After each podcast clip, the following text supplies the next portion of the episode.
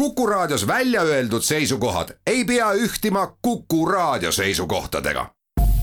Te kuulate Kuku Raadiot.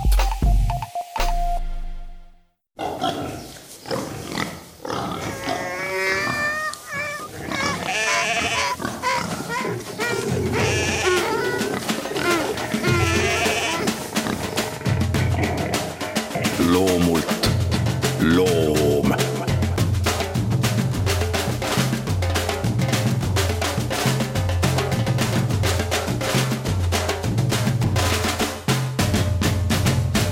tere hommikust, mu head sõbrad, palju õnne alganud õppeaasta puhul loomulikult. nüüd meil on septembri algus, taevane kantselei andis korralduse sügis sisse lülitada ja öised temperatuurid kümme või alla kümne kraadi. nii et kõik on väga-väga noh optimismile nii-öelda kutsuv, mind igal juhul. vaadake, suvi on suurepärane aastaaeg, loomulikult, noh zooloogina muidugi ma hindan suvist aega väga kõrgel, aga minu jaoks eluaeg ja tegelikult juba, juba koolieast peale. suvi on õudselt töine aeg, mis on väga mõnus. ma eluaeg olen armastanud oma tööd ja armastan praegugi, kuid jah, sügise algus on veel töisem. sealjuures aga kuidagi minu jaoks äh, romantilisem igal juhul kui äh, suvine aeg ja see on loomulikult seotud sellega, kui kiiresti sügisel ja kui põhjalikult meie maal looduse nägu muutub äh,. suurepärane aastaaeg, kevade loomulikult ka, aga no kevade on ikkagi väga suurte raskustega seotud kõikide loomade ja loomulikult ka taimede elus Äh, nii et see on kohutavalt pingeline, põnev ja huvitav loomulikult ja väga, väga mobiliseeruv on kevadine aastaaeg, kuid sügis, vist minu lemmik. mul ei ole mitte midagi korraliku talve vastu, kaugeltki mitte, otse vastupidi. talvel on jõulud isegi kui lu, lund ei ole ja jõulud on mustad, ikkagi.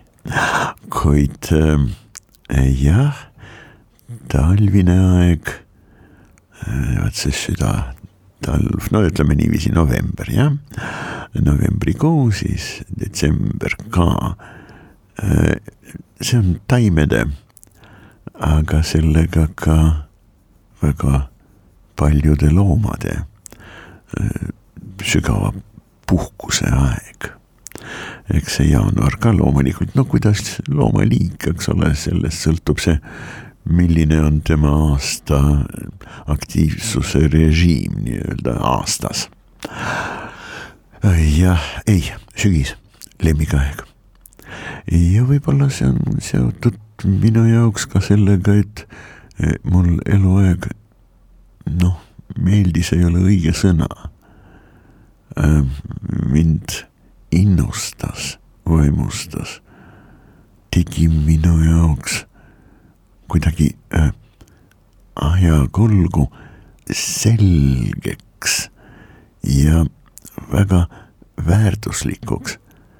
see, et see asjaolu, et äh, sügisel algab õppeaasta, õppimine see hiilgav tegevus. muidugi endast rääkides ma pean äh, tänulik olema ja ma olen tänulik. ja äh, muidugi ma ei jäta seda mainimata, et mul väga-väga vedas õpetajatega. Äh, eelkõige minu isa, loomulikult ka minu ema ja siis minu vanemate sõbrad. minu emal rõhuv enamus, mitte päris kõik, aga rõhuv enamus sõbrannadest ähm, ja sõpradest olid äh, emast, no generatsiooni võrra vanemad. no näiteks tema südamesõbrannad olid minu vanaema, ema ema, kooliõed jah, ja nad olid suurepärased õpetajad, praktiliselt kõik. Selma Bassov, keemiaõpetaja, proua Ksenia Kärk, bioloogia õpetaja, proua Hilja Tulp, issand, kui toredad nad olid. ja nad olid jah, õpetajad par excellence, nii-öelda jumala sedemega. Nad ei saanud mitte olla õpetajad, sealjuures väga head õpetajad. no mida see tähendab, hea õpetaja? minu lemmikkirjanik, mul on neid mitu loomulikult, aga üks lemmikumatest, no geniaalne kirjanik on Toomas Mann. ja doktor Faustuse romaanis väidab ta, et ei ole võimalik mitte äratada elavat huvi kuulajaskonnal publikul, publikumil, auditooriumil, õpilastel. kui sa, õpetaja, ise oled väga haaratud äh, suure huviga, äh, suurest huvist äh, oma teema, oma aine vastu. no ei ole võimalik, et vaat sedasi tõesti väga väga suurt ja elavat ja sooja huvi, väga põhjalikku huvi. noh, valduses nii-öelda olev õpetaja või lektor no ei saa mitte äratada elavat huvi kuulajaskonnal, see lihtsalt ei ole võimalik. ja teine väide ikka sellessamas romaanist, mida äh, Linnar Priimägi Äh, tõlkis eesti keelde, minu meelest tõlkis suurepäraselt, mitte ainult minu meelest loomulikult. ja see on ähm, nii-öelda tõlkija vägitegu millega härra Priimägi sai hakkama. ta tõesti, ta on, tõlkijana ta on vägilane.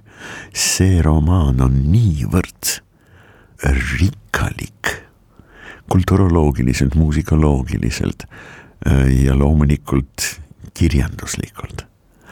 Äh, niivõrd mitmekesine on äh, see temaatika ja ka käsitlus, ähm, teema käsitlus Toomas Manni poolt, et jah, ma olen väga tänulik härra Priimäele selle no, no, no tõesti suurepärase töö eest.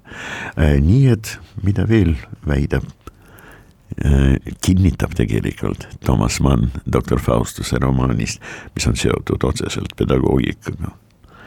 Äh, väärikam, palju väärikam on tekitada õpilastel, adeptidel, auditooriumil uus huvi, kui äh, kuidagi lektori jaoks kohaneda olemasoleva huviga muidugi see on palju väärikam ja annab palju-palju paremaid tulemusi, selge see, just nimelt pedagoogilisi.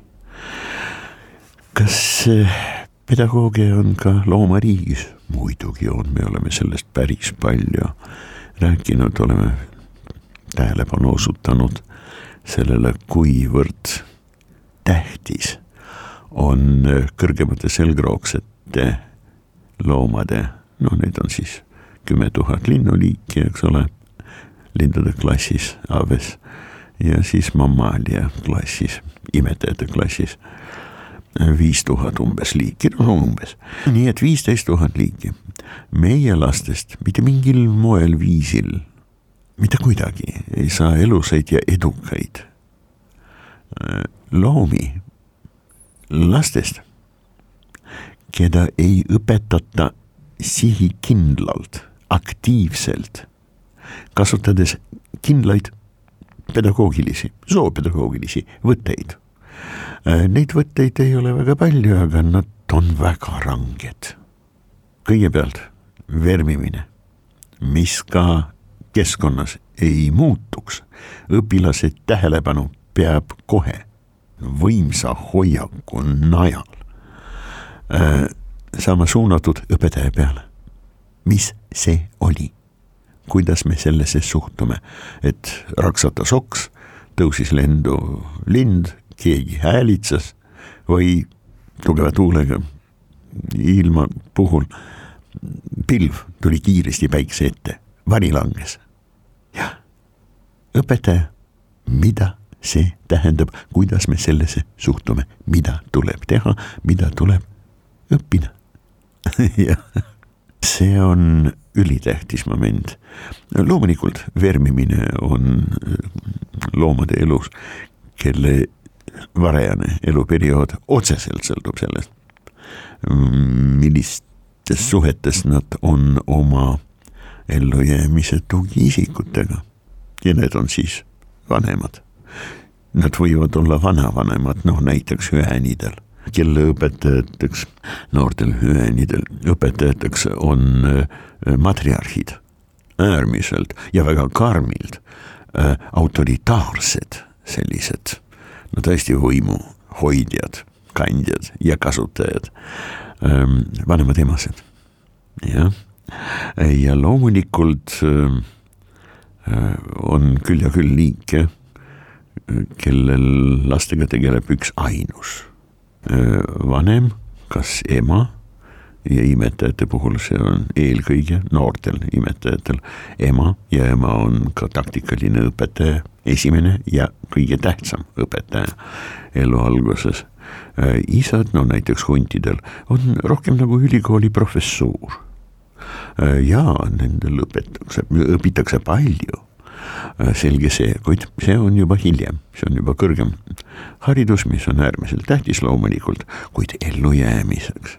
no alus pannakse, ehitakse ülesse varajases lapsepõlves. ja varajases lapsepõlves imetajatel äh, kõikidel äh, liikidel välja arvatud võib-olla äh, no ja päris kindlasti meie alamselts, päris afilised meil on ka isased, suurepärased õpetajad, aga see on tõepoolest ainus selline alamselts loomariigis. Kõikidel teistel liikidel lapsi kõigepealt õpetab ema ja see on loomulikult imetamisega seotud. selge see, siin on seos täiesti kindel, evolutsiooniline lausa. Äh, lindudel, vot nendel on monogaamia, eriti tähtis, loomariigis ei ole teist sellist loomade klassi, kus monogaamia, paar eluks ajaks või noh, paljunemise hooajaks, sesoonne monogaamia. jah, oleks nii levinud nagu lindude klassis ja see on loomulikult seotud sellega, et lindude puhul imetamist ei ole, mida söövad vanemad, praktiliselt sedasama söövad ka lapsed. no on mõned variandid ja erandid, aga nad ei ole põhimõtteliselt mingisugused väga tõsised, väga karmid nii-öelda elu reguleerivad erandid ja muidugi lindudel, monogaamsetel lindudel õppetööga, pedagoogiga tegelevad mõlemad vanemad, nii isa kui ka ema.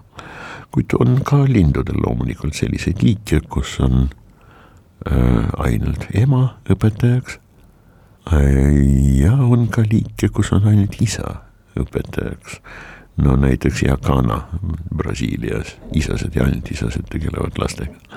kuid ma nüüd jälle sattusin hoogu ähm,. ja loomariik teatavasti on üüratult mitmekesine ja, ja no mitte huvitavaid loomi olemas ei ole. sellepärast teeme väikest pausi ja ma üritan ennast äh, kätte võtta, et siiski jätkata nii-öelda seoses õppeaasta algusega. loomult loom.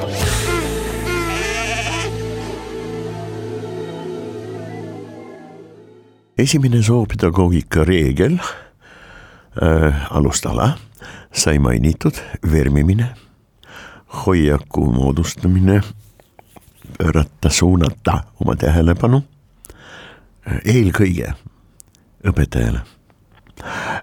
teine väga tähtis, väga tähtis pedagoogiline meetod, mida kasutavad kõik loomad, kes aktiivselt õpetavad lapsi.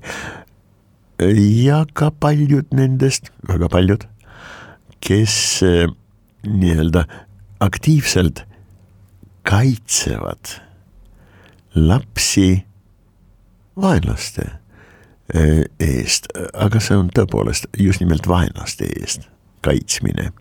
Ehm, no võib-olla mingil määral ka muude ohtlikute nähtuste eest.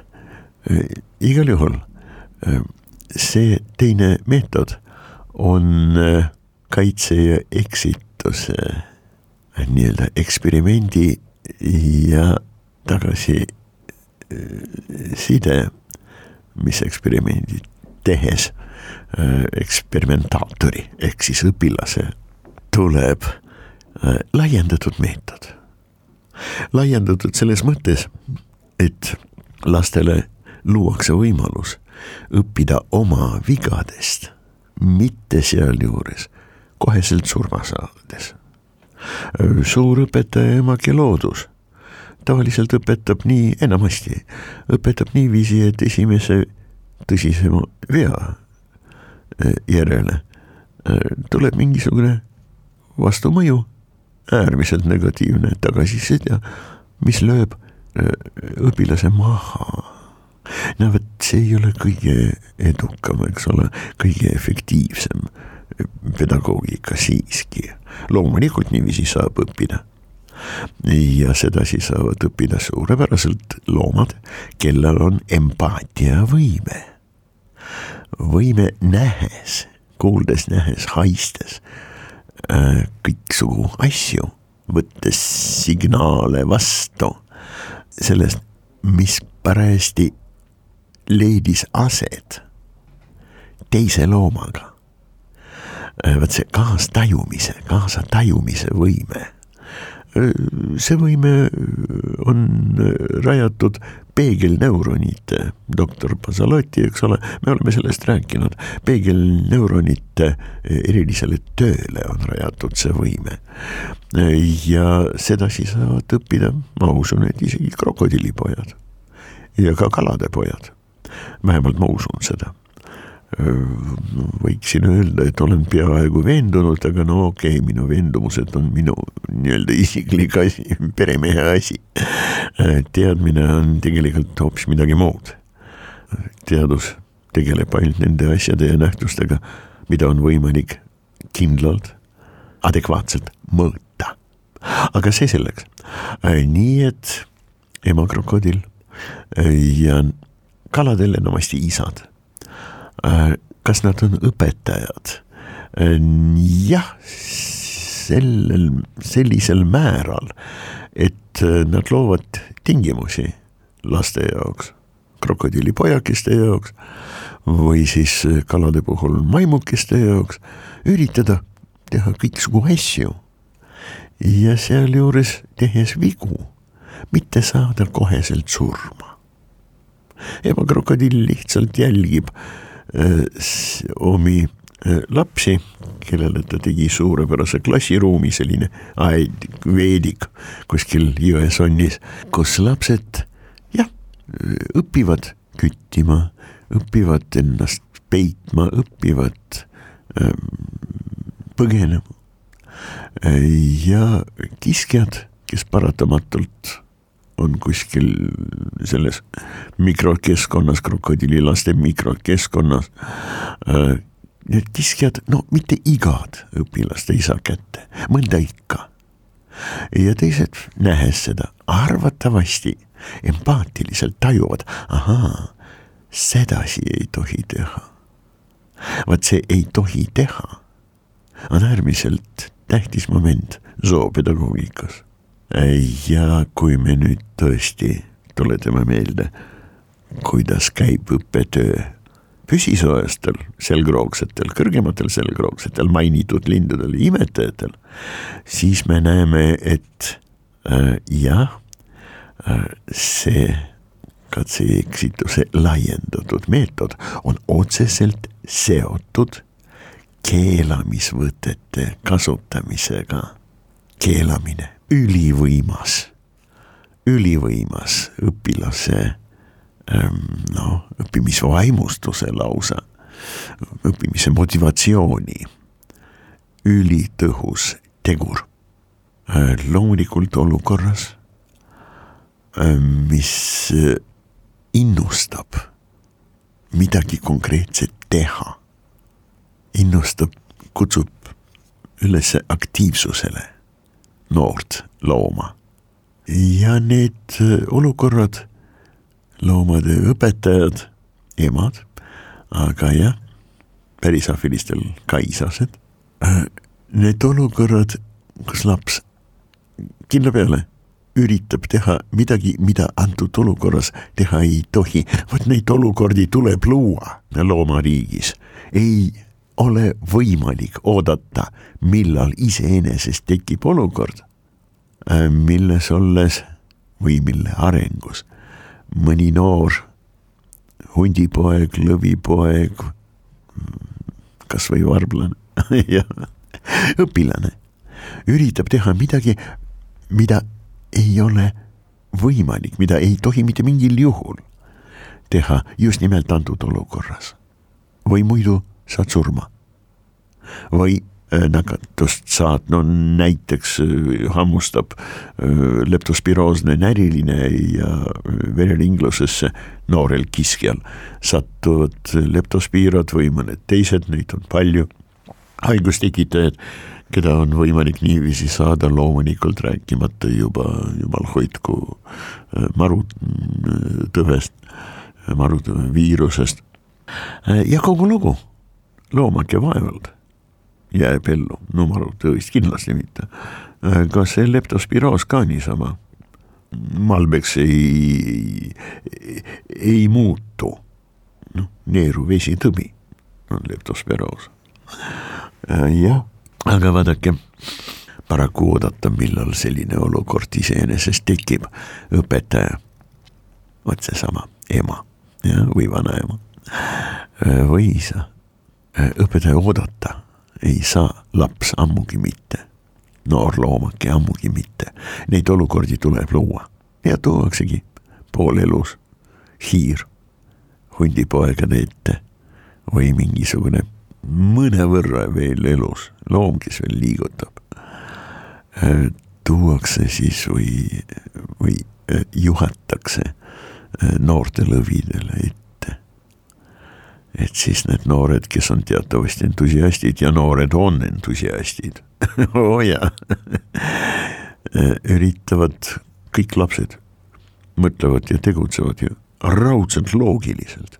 aga see loogika on väga-väga formaalne, ütleks niiviisi, eks ole, sih-, sihipärane ja, ja, ja mööda sirget niiviisi arenev. jah, no näiteks on ju loogiline. kui sa paned silmad kinni kõvasti, no siis saabub öö vot see on niinimetatud maagilise teaduse perioodil meie lastel kindel veendumus, nemad oskavad ööd teha. see ei ole kauaks, see ei ole pikaks ajaks, väga kiiresti saab selgeks, et tegelikult ööd niiviisi teha ei saa, kuid laps avastab seda ja hetkeks usub. jaa, emme, ma oskan ööd teha, vaata. Ja siis pigistab kõvasti-kõvasti silmad kinni. Kas see ei ole loogiline? öösel on pime ja kui sa pigistad silmad kinni, siis läheb silmade eest pimedaks, järelikult, järelikult ma teen ööd.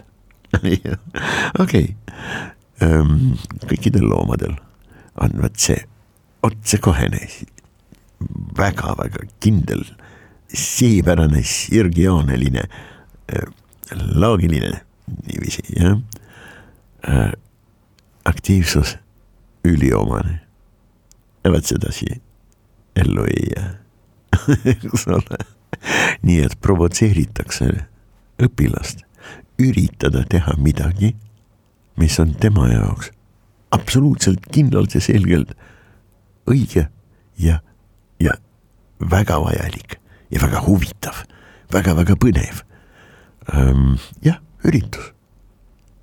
et siis saaks sedasi kõrgelt motiveeritud õpilast keelata. ja sellises olukorras, mis on otseselt loodud selleks, et laps, õpilane, noor loom üritaks teha midagi, mida antud olukorras teha sedasi, nagu õpilane üritab teha, mitte mingil juhul ei tohi. aga see olukord on ülimotiveeriv ja keelamine tõstab motivatsiooni taset mõõtmatult kõrgemale. kõige parem motivaator on keelamine, kus on selge, et olukorras, kus tuleb midagi teha kindlasti ja seda tahetakse teha, hiired on maitsvad ja nad liigutavad väikse kiskja jaoks, see on no maailma kõige põnevam hetk, mingisugust elusat asja püüda. oh ja nad on ju kiskjad, nii et olukord motiveerib. Ja kui see pisikene üritab suuga läheneda selle õppevahendile, poolelusele hiirele, vot siis teda kohe keelatakse. nii ei tohi reaktsioon, õpilase reaktsioon sellisele keelamisele on absoluutne vaimustus. ah nii ei tohi, aga kuidas, näita. ja vot seejärel ja siis näitab õpetaja, kuidas tuleb närilisi püüda, loomulikult käpadega, hüpates ülesse, nii et kogu keha raskusega, sirgete jalgadega, käpadega saaks lömastada seda hiirt hammustada ta ei saa, siis ta on toit, valmis ja sina, kütt, ei ole leptospiroosi saanud. maomahlu loomulikult tapab leptospiirod ja noortel kiskjatel ka jah äh,. nii et see suurepärane äh, idee, mitte mingil juhul mitte kasutada valuvõtteid õppeprotsessis. kui väike loomake teeb midagi niisugust, mida noh, tuleb kuidagimoodi katkestada, tuleb ta paika panna, siis pannakse ta väga resoluutselt paika. no karupoeg, kes äh, teeb äh, emale pähe näiteks, eks ole, istub, istub ema peas ja äkitselt oi, kaka tuli, eks ole, no sellist käpaliigutusega veeretakse mitme meetri kaugusele okalisse võssa eks ole. selge see, ei tee niiviisi. Äh, kuid see ema käpalöök, see ei ole karistus äh, meie inimlikus mõttes. Äh, sa lihtsalt, lihtsalt eemaldad last, noh näiteks ennast kui ta sinu suhtes võtab ette midagi lubamatut. sa lihtsalt eemaldad, teed seda järsult ja resoluutselt. tegelikult haiget ei tehta siis väikestele loomadele vanemate poolt. rihmaga ja vitsaga õpetamine kõikide väga edukate äh, õpetajate loomade meelest on äärmine totrus. Teeme veel väikest pausi ja lähme siis õppeaasta alguse teemadega edasi, eks ole. loomult loom.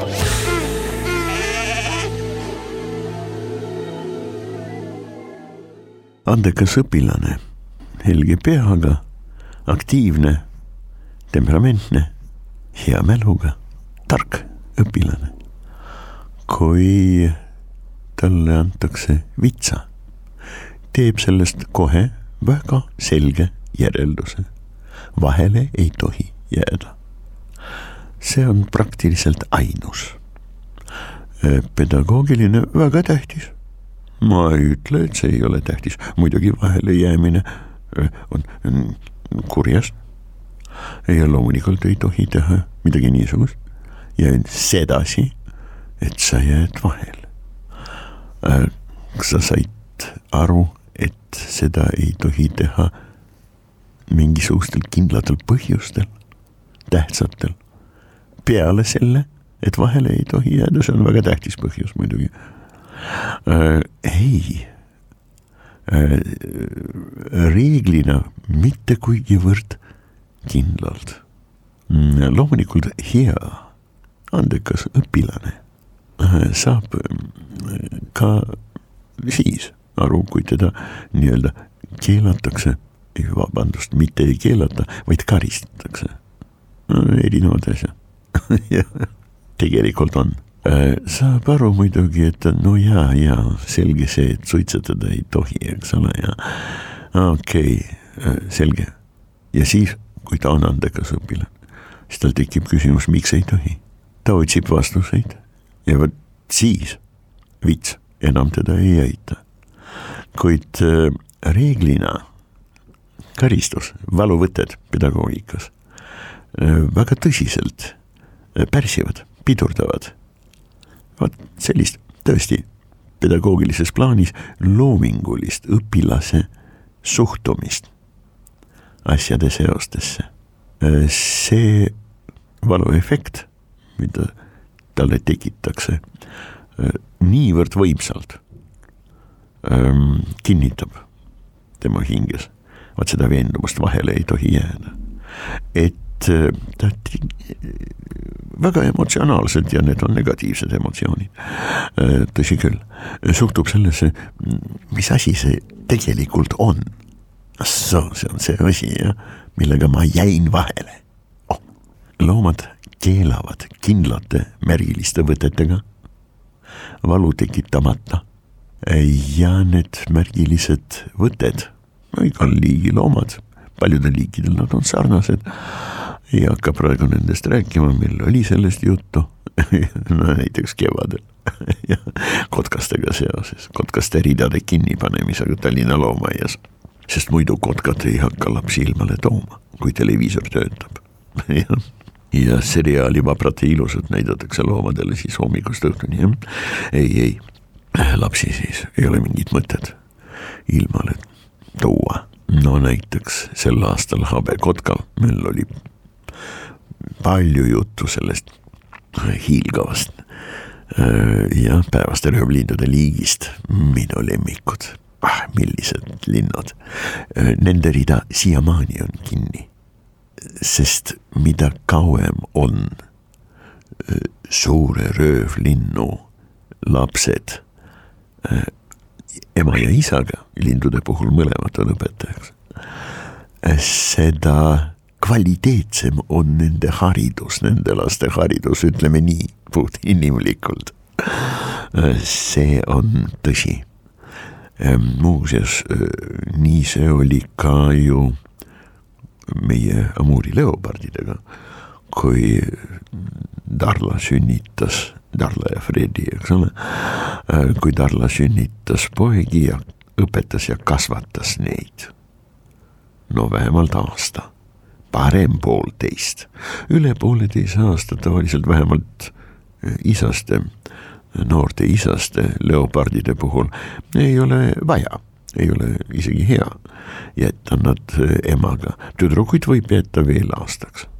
tüdrukutele, leopardi ja tiigri tüdrukutele kõrgem haridus on väga-väga vajalik. poistel on rohkem vaja seda praktikat saada, no nii nagu suhtides ei pääsenud äh, sellid äh, noh, meistri, meistriseisundi saamiseks šedöövri, šedööver, see on töö, mida käsitööline sell teeb selleks, et kõrge komisjon, tsunfti komisjon saaks hinnata tema oskusi. šedöör edukalt tehtud, selge, tema, see sell saab meistriks ega teisiti meistriks ei saa. sa pead looma šedöövri nagu diplomitöö eks ole. noh, me kasutame sõna šedööver loomulikult äärmiselt positiivse hõnguga sõna, aga me kasutame seda natukene ulatuslikumalt, jah. kuid see selleks. nii et sellid, poisid loomulikult, pidid rändama linnast linna, riigist riiki, tsunftist tsunfti, noh, tsunft oli ikka sama. No näiteks seal kinnaste meistrite, jah, see oli omaette tsunft. ja kinnaste meistri, eks ole äh, maja on see äh, apteegi tänava ja Raekoja platsi nurga peal olev äh,. Raekoja plats kaksteist on see maja vist jah ja aadressi poolest, äh, kus oli äh, arhitektuuri mälestusmärkide kaitseinspektsioon. Rasmus Kangro Pooland, kui talle hingamist oli selle suurepärane juht ja minu meelest võib, lausa peab ütlema, et looja.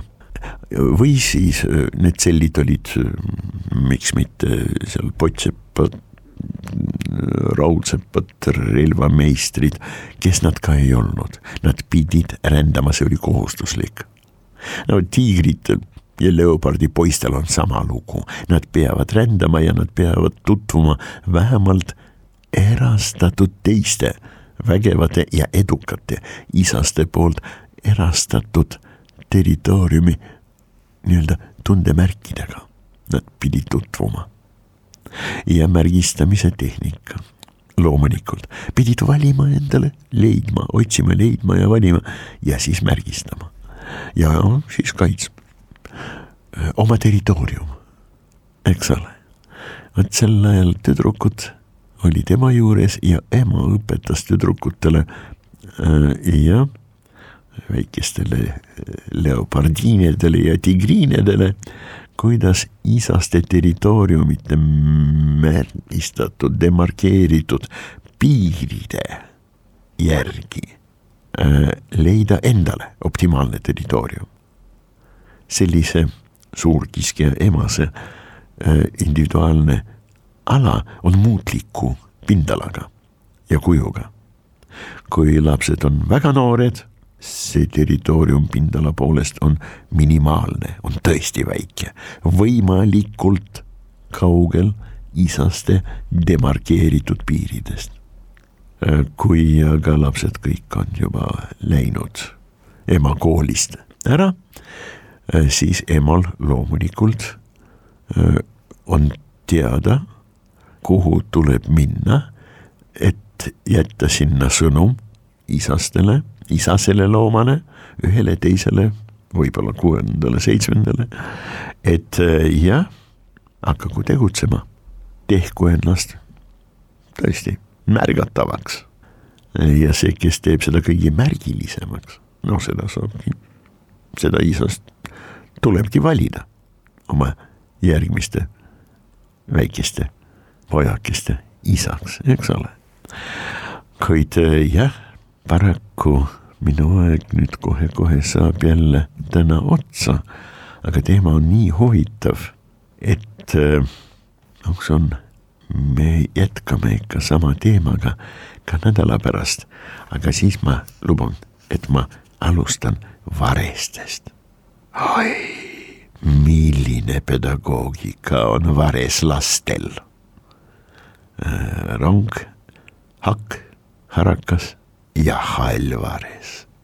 praegu aga veel kord, olge terved, palju õnne õppeaasta alguse puhul ja kohtumiseni, mõnusat päeva. loomult loom